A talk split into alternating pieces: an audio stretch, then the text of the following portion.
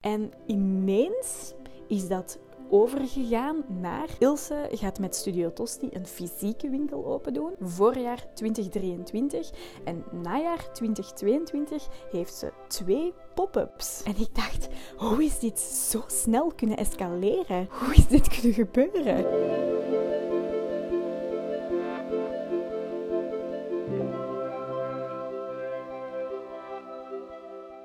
Wij zijn met onze webshop gestart in volle coronaperiode. Dat is ook de reden waarom dat we onszelf soms wel eens al lachend corona-ondernemers noemen.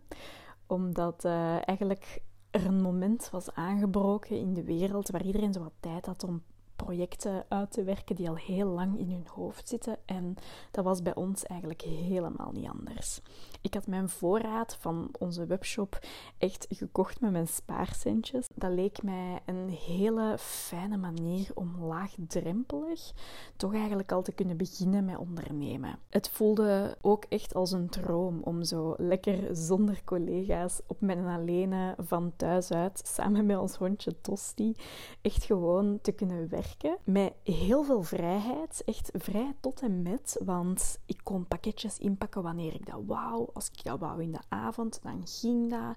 Als ik in de dag gewoon in het zonnetje wou zitten, in de tuin, dan kon dat ook. Het voelde echt heerlijk om zo op die manier te kunnen, te kunnen werken en voor mezelf een werkomgeving te, te bouwen.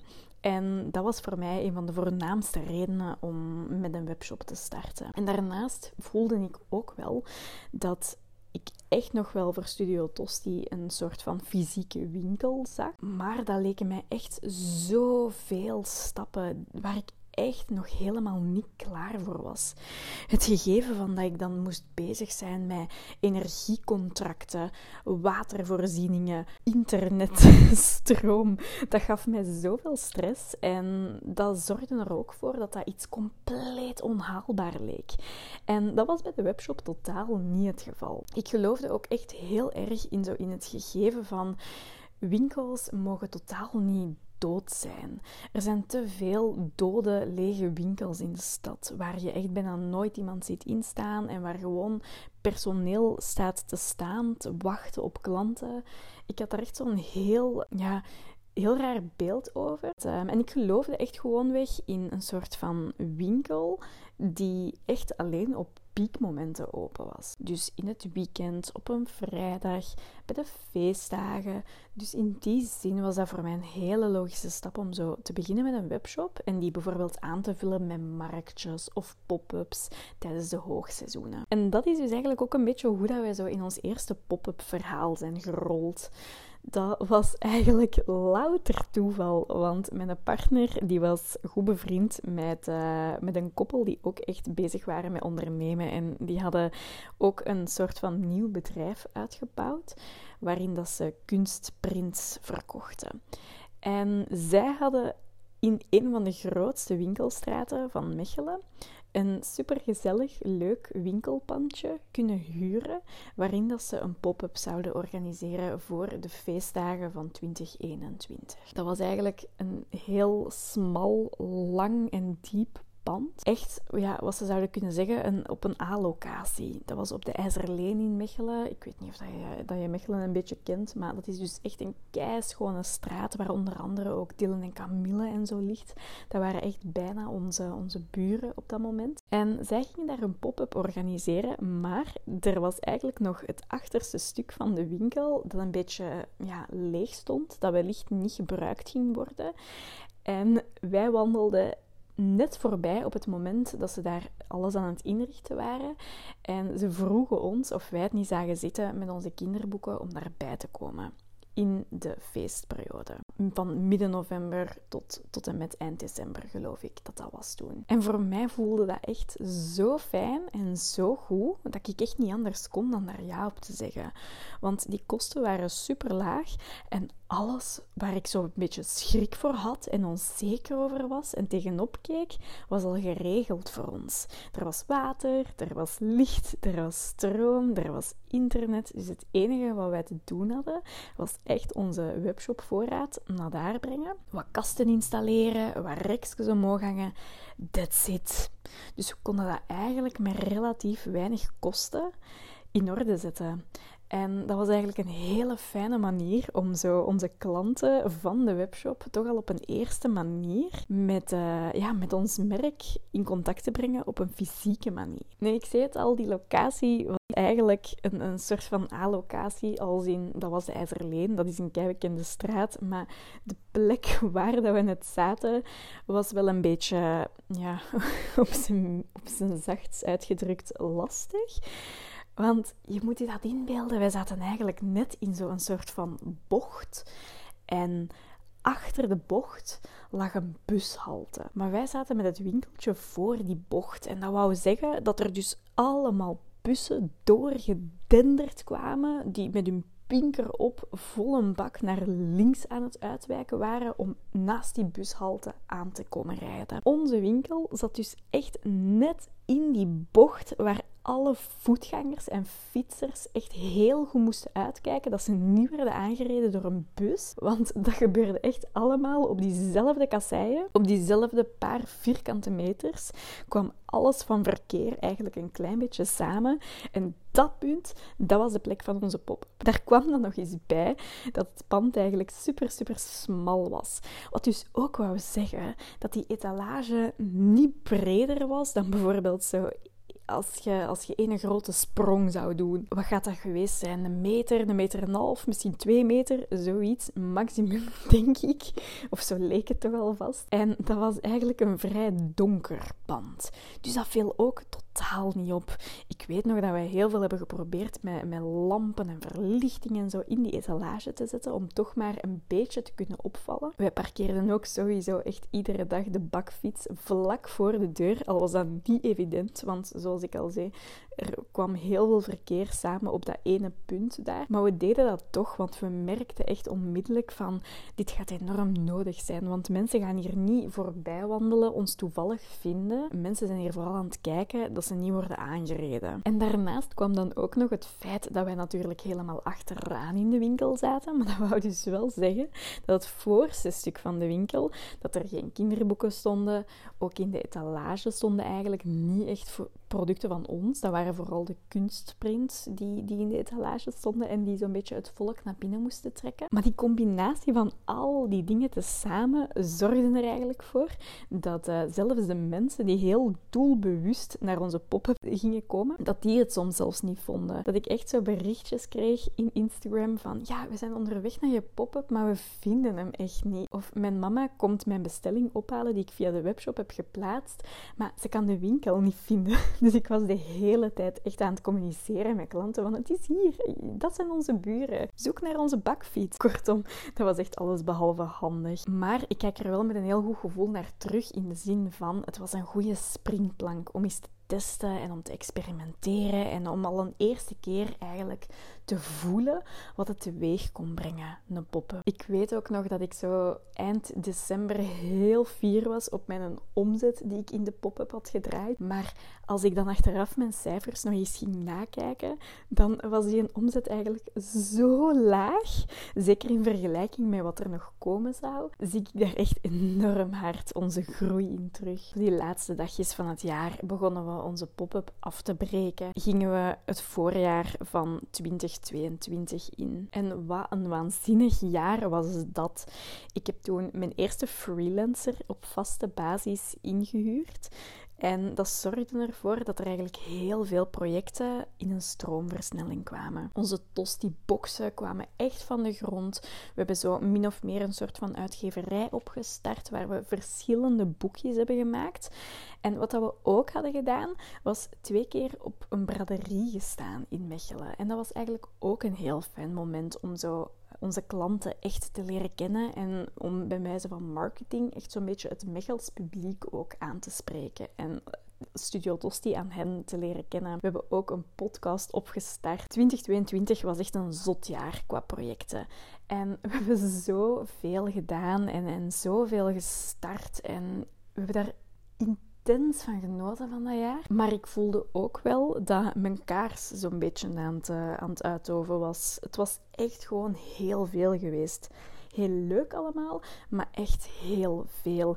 En ik voelde zo naar de zomervakantie toe dat ehm, de vraag aan mij begon te knagen van dit jaar terug een pop-up te doen. Ik en mijn partner hadden tegen elkaar gezegd: we willen sowieso terug opnieuw een pop-up doen, maar deze keer gaan we wel zelf een pand huren. En we gaan voor een betere locatie en we zorgen ervoor dat we dus dit alles wat we hier geleerd hebben in die eerste pop-up, dat we dat echt allemaal gebruiken om nu echt iets neer te zetten waar we superveel kunnen uithalen.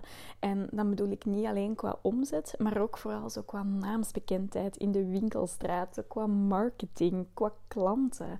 We wouden dat echt tien keer beter doen. En mijn partner had daar super veel zin in. Maar ja, ik voelde bij mij dat het echt vooral heel veel zorgen um, naar boven bracht. Dus ik had al een beetje in mijn hoofd een scenario klaar van. Ha, voor mij zou het ook wel oké zijn als we dit jaar bij de feestdagen gewoon eens proberen om echt volledig op die webshop in te zetten. En om te werken met advertenties om goed op voorhand te beginnen met tostiboxen te bedenken. Om echt te zorgen dat er keihard toffe producten zijn waar ik heel veel reclame voor maak. Ja, dat idee van die pop-up was voor mij eigenlijk een beetje naar de achtergrond aan het verdwijnen. De enige voorwaarde die ik voor mezelf had gezet was als we echt nog een fantastisch pand zouden vinden, dan zou ik het nog willen doen. Of bijvoorbeeld weer een oplossing waar we heel weinig zorgen mee hebben. En waar het ook weer, zoals bij ons eerste pop-up verhaal, een kwestie was van gewoon spullen verhuizen, kassa doen op de dagen dat je daar bent en voor de rest eigenlijk gewoon loslaten. Dat was de enige uitzondering die ik zelf nog wou maken. En we hadden die uiteindelijk eigenlijk nog min of meer gevonden. Want een paar mensen die ik kende hadden samen een winkelruimte gehuurd. En die hadden dat keihard gedaan, want die hadden eigenlijk zo allemaal een plekje in de winkel voor zichzelf um, gemaakt. En dat was dus eigenlijk een, een leuk concept waar je de huur eigenlijk kon delen door het aantal mensen dat daar een winkeltje hadden in hetzelfde pand. Ehm, en ook een beetje kon meesurfen op het succes van, van, van de anderen. En zij hadden daar nog zo een plekje beschikbaar waar eventueel naar de feestdagen toe nog wel iemand bij kon komen. En we hadden de mogelijkheid om dat te doen. Dus we zouden onze Studio Tosti productjes daar kunnen leggen bij de feestdagen. En dat was eigenlijk zo'n kant-en-klare oplossing. Hè? Die, die, de winkel draaide daar eigenlijk al. Wij konden daar gewoon bij. Ik had daar desnoods iedere dag gestaan om kassa te doen, om mensen te helpen, om pakjes in te pakken. Dus dat was iets, ja, daar had ik eigenlijk wel zin in. Dat ging ook maar één maand zijn, dus ik was er eigenlijk helemaal klaar voor. Maar een paar weken voordat die pop-up van start zou gaan, hebben die dames dat dat winkelpand huurde beslist om ermee te stoppen. De vaste lasten werden te hoog, nog een aantal andere redenen. En ook wij konden die pop-up dus niet meer laten plaatsvinden op die locatie met de feestdagen. Ik heb daar even over gebaald, maar ik had ergens ook zoiets van, ja kijk, dan is het zo. Ik ga mij hier nu niet nog liggen rot zoeken naar panden. Dat ga ik echt niet doen. Stick to the plan. We blijven echt gewoon een webshop bij de feestdagen. Voordat ik dat hoofdstuk een beetje parkeerde in mijn hoofd, moet ik wel zeggen dat we nog één keer een pand hebben bezocht op de Brul. Dat is de hoofdwinkelstraat van Mechelen. En dat pand sprak mij en mijn partner echt gigantisch hard aan om een pop-up in te organiseren. Want echt, beeld u in, Harry Potter boekenwinkel. Wel, dat was eigenlijk de beste manier om dat pand te omschrijven. Het was een beschermd erfgoed en je mocht er helaas echt niets in doen. Maar als ik zeg niets, dan bedoel ik ook echt geen kast verschuiven of zo, of geen gat boren in de muur. Dus we zijn dat pand gaan bezichtigen met een makelaar die echt compleet niet enthousiast was over dat pand. Die deed echt geen enkele moeite om dat verhuurd te krijgen aan ons. En echt alles dat wij vroegen van, ah, kunnen we die schappetjes een beetje van, van, van hoogte verstellen? Of zou het mogelijk zijn om hier iets voor te zetten?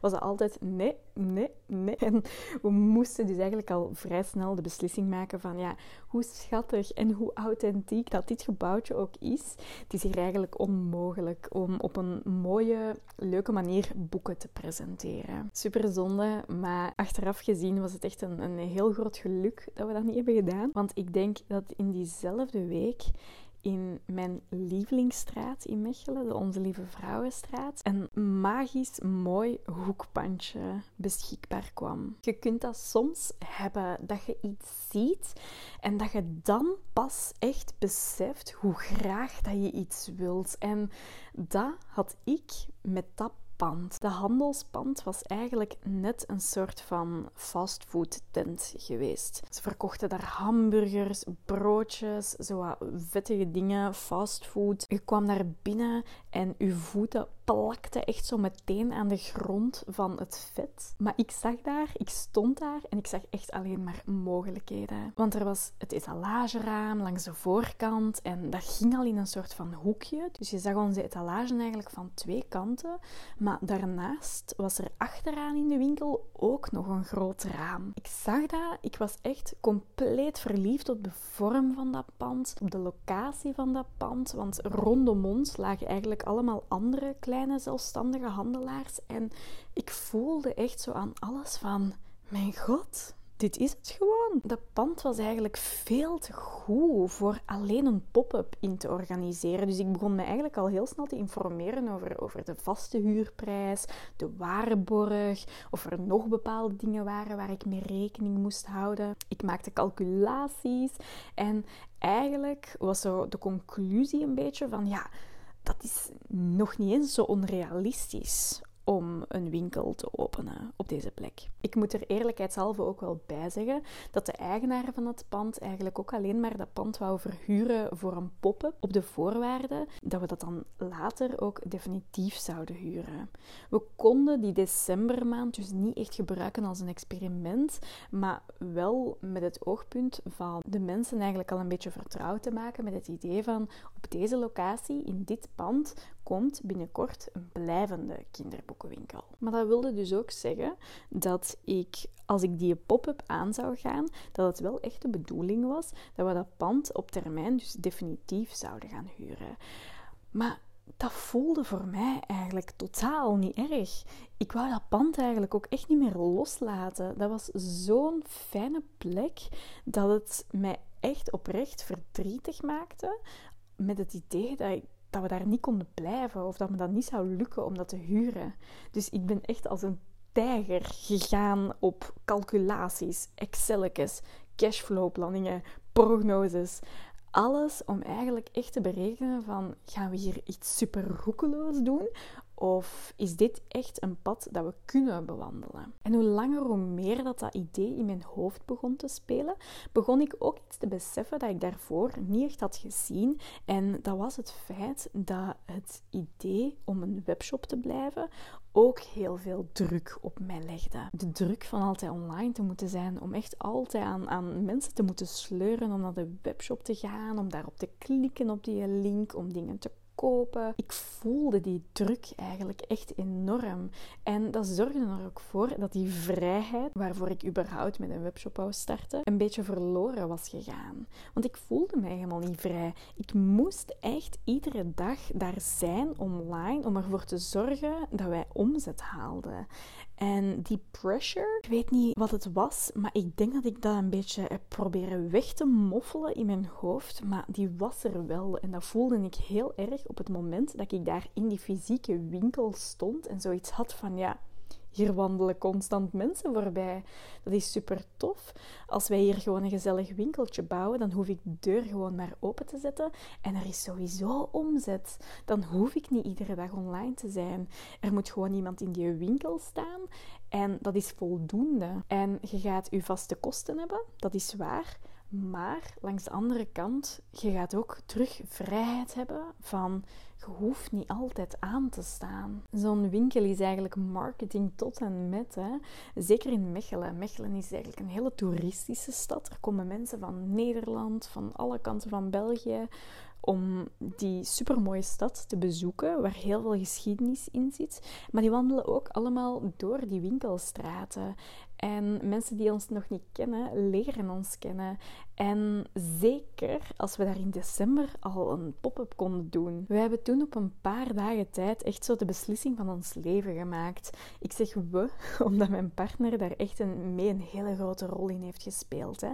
Die heeft ook echt samen met mij afgetoetst van oké, dit is eigenlijk wel wat we willen in de toekomst. We moeten hier gewoon voor gaan. We gaan van een webshop naar een webshop met een winkel. Ja, en de mensen die me kennen, die weten dat er dus echt altijd verschillende projecten tegelijkertijd lopen. Hè. Dus we waren daar eigenlijk zo die knopen aan het doorhakken over die pop-up. Maar ondertussen liepen ook nog zo andere projecten, zoals bijvoorbeeld onze podcast, dat we in het begin van het jaar hadden opgestart. En we hadden toen een superleuke gast, dat was Eva Mouton. We zijn naar Gent gereisd en we hebben ons gesprekje opgenomen. En Eva en Bert waren aan het vertellen over dat ze eind november ook voor de eerste keer een pop-up gingen doen in het Pitch Café in Locristi. En zij gingen daar hun spulletjes leggen, hun keramiek, hun vormenkussens, hun boeken, hun kaartjes. En ze vroegen echt zo kei spontaan van, zien jullie het anders ook zitten om daar met jullie Studio Tossi productjes te staan? En dat was zo'n toffe kans en we voelden echt zo allemaal in onze buik van, ja, we willen dat eigenlijk echt kei graag doen. Ja, grote kans dat we dus in december ook een pop-up in Mechelen gaan doen. En hoe fijn zou het zijn om zo naast Mechelen ook eens op een andere plaats iets fysiek te doen, zonder zorgen. Want in het Pitch Café was ook alles geregeld. Hè? Daar stond de verwarming lekker aan. Die hadden stroom, die hadden internet, die hadden tafels, die hadden kasten. Ook dat was eigenlijk een zalige formule van gewoon de auto volladen met spullen, naar daar gaan en daar gewoon twee dagen vol een bak staan. Dat voelde dus keigoed en dat was echt te tof om daar nee op te zeggen. Dus eind november stonden we daar samen met Eva en Bert die pop-up te runnen. Ondertussen waren in Mechelen ook vol een bak de onderhandelingen bezig met mogen we dat pand huren of niet. Dat was ook echt puur een kwestie van cijfers hè, en prognose. Die eigenaar wou echt zeker zijn dat hij een huurder kon vinden die daar voor de lange termijn ging zitten. Dus dat was constant een gepingpong met en wat is uw prognose op dit vlak? Hoe denk je dat te gaan aanpakken? Ik stak daar keihard tijd en moeite in, maar ik geloofde ook wel echt dat dat kon werken.